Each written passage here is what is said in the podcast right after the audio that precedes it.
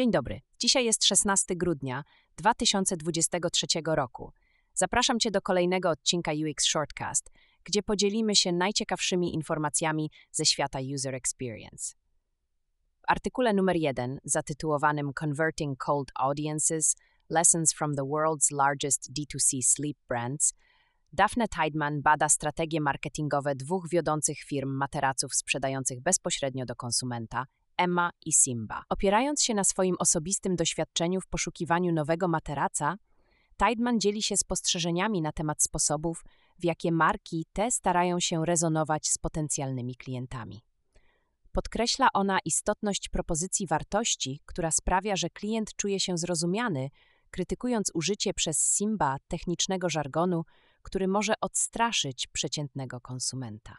Pomimo prób Simba wyróżnienia swojego produktu za pomocą skomplikowanego słownictwa, Tideman sugeruje, że uproszczenie komunikatu, aby adresować podstawowe potrzeby klienta, jest bardziej skuteczne. Z kolei Emma również nie trafiła w dziesiątkę, ukrywając swoją propozycję wartości poniżej nadmiernego przewijania strony. Analiza Tideman podkreśla konieczność, aby marki jasno i zwięźle komunikowały swoje unikalne punkty sprzedaży, aby angażować i przekształcać zimne audytorium. Artykuł drugi, zatytułowany Eksploracja w kolektywnych interfejsach, zagłębia się w ewolucję interfejsów użytkowników od computingu osobistego do współdzielonych, współpracujących środowisk. Autorstwa kolektywu badawczego IAXDE z udziałem Pierluigiego Dallarosy i kolegów bada, jak technologia może wzmacniać wspólne wysiłki w przestrzeniach fizycznych. Artykuł odzwierciedla historyczne przykłady, takie jak Mother of All Demos Engelbarta i eksperyment Pong-Sigraf, podkreślając przesunięcie od indywidualnych do zbiorowych doświadczeń cyfrowych. Omówione są również nowe rozwinięcia w grach VR i interaktywnych instalacjach, takich jak Sandbox VR oraz edukacyjne wystawy Telart, jako przykłady kolektywnych interfejsów, które łączą świat cyfrowy ze światem fizycznym. Artykuł opisuje także własne ćwiczenia prototypowe autorów, które podkreślają interakcję całego ciała i znaczenie systemów niestrukturalnych, bez zadań, które zachęcają do naturalnej współpracy ludzi.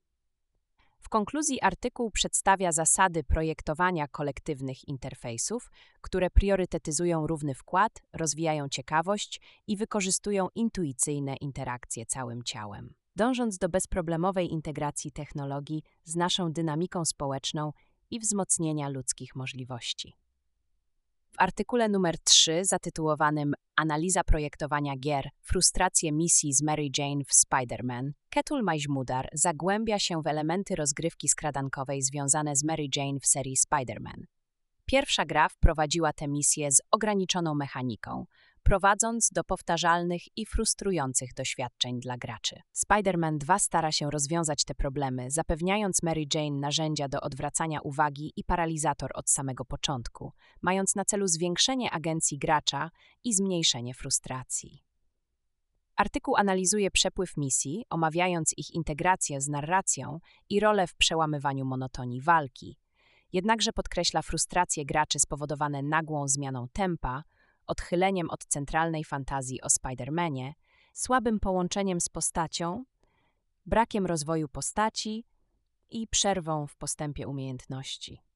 Ulepszenia w sequelu obejmują bardziej wyrozumiałe misje, zróżnicowanych wrogów, większe obszary i ulepszone interakcje ścieżek celu dalszego udoskonalenia tych misji artykuł sugeruje włączenie umiejętności skradania się do misji pobocznych i użycie gadżetów Spidermana do poprawy transferu umiejętności i spójności świata, ostatecznie dążąc do bardziej spójnego i angażującego doświadczenia z rozgrywką.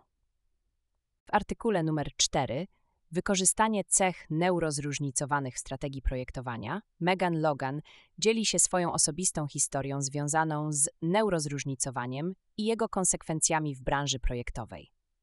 Neurozróżnicowanie, do którego należą takie stany jak ADHD i autyzm, jest coraz częściej rozpoznawane jako normalna odmienność w rozwoju mózgu, mocno oddalając się od modelu medycznego, który postrzega te stany jako zaburzenia. Pomimo większego społecznego uznania dla neurozróżnicowania, nie jest ono w pełni normalizowane w kulturach firmowych, a ujawnienie takich warunków może być ryzykowne, szczególnie w Stanach z zasadą zatrudnienia na życzenie. Logan opisuje własne wyzwania w miejscu pracy, gdzie jej ADHD było postrzegane jako wada, co doprowadziło do jej zwolnienia.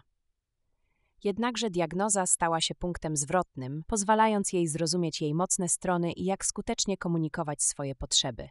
Podkreśla ona znaczenie tworzenia równego środowiska pracy i samowzmocnienia przez rozpoznanie preferencji pracy, stylów komunikacji i dodatkowych wartości.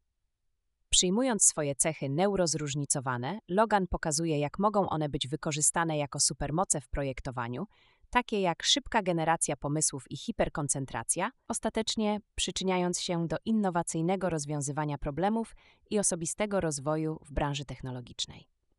Dziękuję za wysłuchanie i zapraszam na kolejną dawkę wiedzy już jutro.